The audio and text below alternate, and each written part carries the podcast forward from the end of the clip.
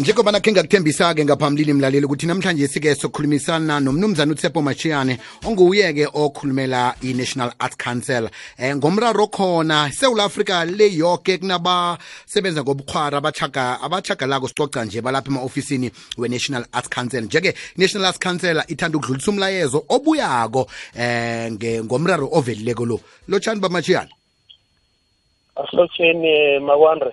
Sithokoze thokoze nethuba lokuthi sikhulumisane nawe eh kunomraro kazi ongaka eSouth Africa eh nakuma artist weSouth Africa eh kisibonge kubalaleli bekwekwezi sibonge nesikhathini enisinike sona Mhm. Bamachane ukukhumbuza nje umlaleli umraro esinawo eh ngendaba ye COVID-19 relief fund kibe nguphi umraro esinawo ngendaba ye-covid eh ukuthi upresident we-south africa uye wasinikeza imali engange-300 million. Mm. ukuthi sikwazi ukuthi siyinikeze abantu abasebenza ngezamasiko ubuciko ukuthi bakwazi ukuthi babhenefite ngoba uyakhumbula ukuthi i-country beyibe yakuba ku-lockdown and ne-economy yasafara. So i-idea bekuwukuthi bonke abantu abasebenza ngezamaciko bakwazi ukubuyela emisebenzini yabo. So mm. upresident ukuthi enakafaka le mali kwatholakala ukuthi eh emsebenzini ukuthi le mali ikhishwe iyiswe ebantwini kwaba khona okuwukuthi babashiya ngaphandle ukuthi bangatholi le mali. Abayitotal ye-761 kanti le mali yonke yabekelwa abantu abayi-6 hundred and thirteen. Sithe thina nasifika sibona ukuthi bakhona abanye abangabekelwanga ukuthi bayithole le mali. Sayenza ukuthi eh siyenze isinqumo njengekhansela entsha ukuthi wonke umuntu ofake iproposal akwazi ukuthola le mali.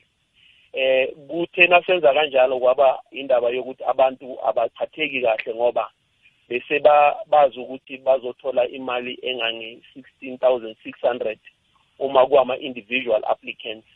Kanti uma baka kuma-organization bazothola 25000 mm. kodwa sithena senza ukuthi bonke abantu abawufakile ama-application bakwazi ukubhenefitha imali yayehla ngoba labo abayi-761 bese bangabalwanga. So imali ithena iyehla and then kwaba nawo umraro lo ukuthi abantu abayithandi lento yenzakele. Kodwa eh esayidini le-council bekufanele ukuthi wonke umuntu o-aplayile wa-approve akwazi ukuthola imali.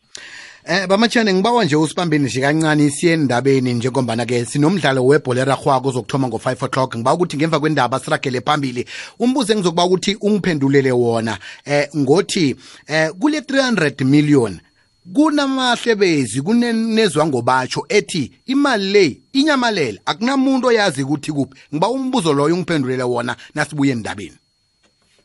Ngizakuphendulela wona le yikwekwezi fm sinawe ngaso sonke isikhathi. Kukhanya ba.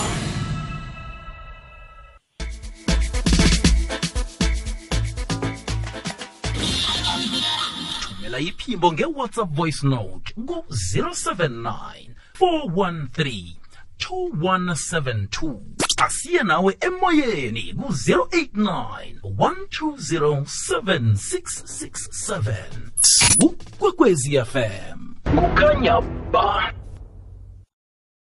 Nalekho kwezi FM asiragele phambili sakuye endabeni ngesimbi yesihlanu.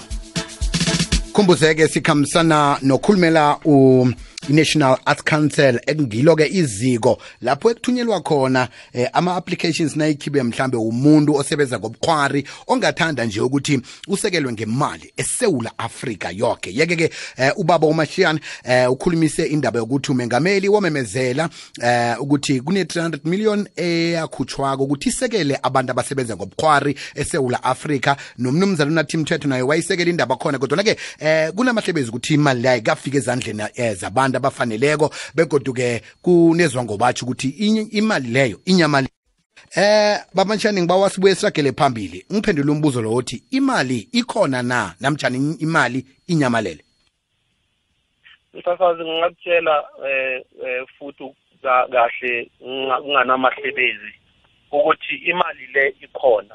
Imali ikhona futhi abantu aba-aplayele le funding.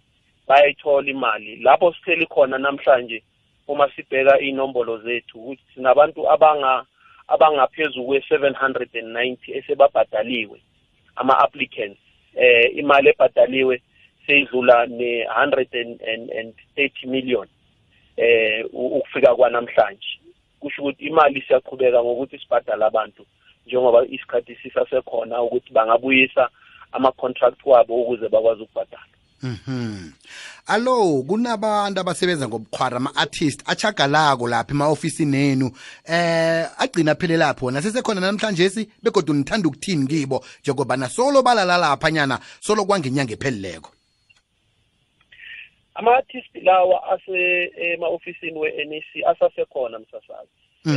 um futhi sisaqhubeka ukuthi sikhulumisane nabo sibone ukuthi le le le lezinto ebazifunayo ku-council entsha imibuzo ebayibuzile kithi sikwazi kahle ukuyiphendula yini? So siyaqhubeka sikhulumisana nabo kanti bona basasekhona. Ngisho nje ukuthi eh indlela esiyithathile futhi as i-council ukuthi sichubeke eh, ngezinye indlela ezi eh, eh, ezingasi ezingekho forceful. Eh, what i'm trying to say ukuthi we are not using forceful means ukuthi sibakhiphe ema-ofisini. Kodwa sambile saya eh, ecourt sacela ukuthi ngoba umsebenzi we-NEC kufanele uqhubeke uyabona basinikeze ispace sokuthi sisebenze ngoba i-NEC eh kuwo lo nyaka omusha wezimali kufanele ukuthi isasaze i-call ya- ya- yama-grants. Mm. and siyazi ukuthi em abantu abasebenza ngezamaciko ba- balambile. Akusiyibo bonke beba-apply for i-PESP funding Iye. leya ka-president so kusho ukuthi khona enye i-grant funding ekufe- ekumele siyisasaze ukuze abantu bakwazi ukuyi-aplayela kanti-ke ngoba ba- njengoba basaselapha ema-ofisini asikwazi ukuyenza lo msebenzi. Hmm. so sambile sayocela ikhoti ukuthi sisize ukukhulumisana nabo sibone ukuthi singayixazulula kanjani le ndaba ngoba amahhovisi we-NAC awokusebenza. Ngoba na okuvelako lapha enkundleni zokuthintana ukuthi nina nithumele icourt ukuthi niba evict lapha bathola incwadi ebuye ecourt ethi eh, i-eviction order evela kini. Iqiniso kangangani indaba leyo? Lelo iqiniso angithi njengoba ngisho ukuthi msasazi eh indlela ezizama ngazo eziningi ukuthi sikwazi ukuthi sitholane nabantu abahleli emahhovisi. Eh eh, khumbula ukuthi i-process ye- ye-eviction order eh ihamba indlela ye-court. Kusho ukuthi nabo kuzomele ukuthi basubmite i-opposing affidavit yokuthi yini into ebayishoyo ukuthi bona bangasuki ema-ofisini angithi. Kodwa i-process ye-court yiwo yiyo i-process esicabanga ukuthi izokwazi ukuthi eh kulama ku- ku- ku- kithi nabo laba abahleli emahhovisi wethu kutholakale is- isixazululo i-court engasiza ngaso. So si sithathe le le le le ndlela ngoba sizama ukuthi ekugcineni kungabi nokudonsisana kanti icourt izosisiza eh singamaphathisi sonke ukuthi sibone ukuthi siyiceda kanjani le ndaba. Mm. Bamashiyane ukuveza nje kafitshane eh eminye yemibuzo abanayo sikhuluma ke ngama artists la chagalaka lapha emaofisini. E- eminye yemibuzo abanayo ngengiphi? Eh imibuzo bebanayo ukuthi eh eh eh cephelezi ukuthi bebafuna ukwazi ukuthi bangakhi abantu aba-approviwe. Nokuthi ba-approve malini yayibona leyo yinto Mm. so bebafuna ukwazi ukuthi uThepo nangabe umashiyane eh, a-applyile u-applye nam nam award amalini Mm. so bayifunile leyo information. That information njengoba sikhuluma namhlanje emsasazi ihleli eh, eh ku-website ye-national arts council. Wonke umuntu ofuna ukubona angaya kuyi-www nac org za leyo information ikhona. Mhm. eh Njeke kuvele nje ukuthi babachiyane kunabanye abantu ebekade bangazi ngehlelo leli eh laka laka laka mengameli batsho bona ke bathole sekuvaliwe namtjana kuselilanga linye ngaphambi ukuthi kuvalwe kwatholakala ukuthi ke abakhona ukugijima bakwenza ama texterians in in in nithini ngabo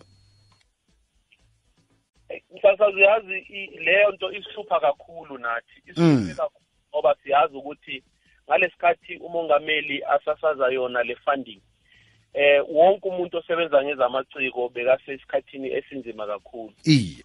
Kodwa eh ok- okubuhlungu ukuthi bekunama closing dates uyabona and kusho ukuthi thina kuyo le le mibuzo esiyibuzwayo kufanele ukuthi siyenze sibe siyenze ngcono uma siyaphambili ukuthi sifikele sifinyelela kanjani ebantwini olungukuthi aba- abakwazi ukuthola information ngesikhathi. Mhm. eh kodwa okubuhlungu ukuthi eh lama grants nawa nawa publiciziwa advertisiwa anama closing date. Em eh, thina njenge NAC sishilo ukuthi akukho kuhle ukuthi kunama province esaziyo msasazi njengempumalanga iLimpopo iEastern Cape neNorthwest. Siyazi ukuthi lama province esikhathini esiningi awakhona ukubenefita ngoba eh abatholi ithuba lokuthi bafake ama application ngesikhathi. Iye. Eh akho sithe uk- ukuya phambili sifuna ukuthi sigcile kuwo lama province bakwazi ukuthi abasebenza ngamaciko bakwazi ukubenefita. Eh so si- siyasho ukuthi i-NAC ukuya phambili izowakhipha amanye ama-advert wama-grants and lapho sizoyenza ukuthi siqinise indlela zethu zokuthi sikhulumisane nabantu ukuthi bakwazi ukuthi bakwazi ukufaka ama-application. Bamatshana sithokoze khulu mambala ukukhulumisana nawe. Mhlawumbe umlayezo akho wogqina otshinga kibo boke abantu abasebenza ngobukhwari ungothini? Nayikhibe mhlambe kunalapha bafuna ukwenza khona ilandelela kunalapha banganithola khona iwebsite namtshana indlela yokunithinda. Ye msasazi siyabonga. Eh sicela bonke abantu abasebenza ngobukhwari abakwazile ukuthi ba-aplayele i-PESP abasaphethe ama-contracts ukuthi bakwazi ukuba ukuthi bawabuyise. Ngoba thina ukuthi sibhadale sibhadala uma abantu babuyise ama-contracts eh okokuqala lokho. Okwesibili ukuthi msasazi abantu bonke bazi eh abalaleli bekwekwezi ukuthi i-National Arts Council yas ya ya- establishiwa ukuthi inikeze ama grants umsebenzi wayo lo ukuthi inikeze abantu abasebenza ngokukhwari ama grants so i-establishwe for that reason and only that reason. So sizocela ukuthi abantu bazazise nge- nge-national arts council ukuya phambili. Njengoba bengishilo msasazi i- i- i- i- i-email address or i-website address ye-nac is www nac.org.za uma abantu ba- baya kule website bazothola eh nezinombolo zocingo nezinye indlela zokuhlangabezana nathi.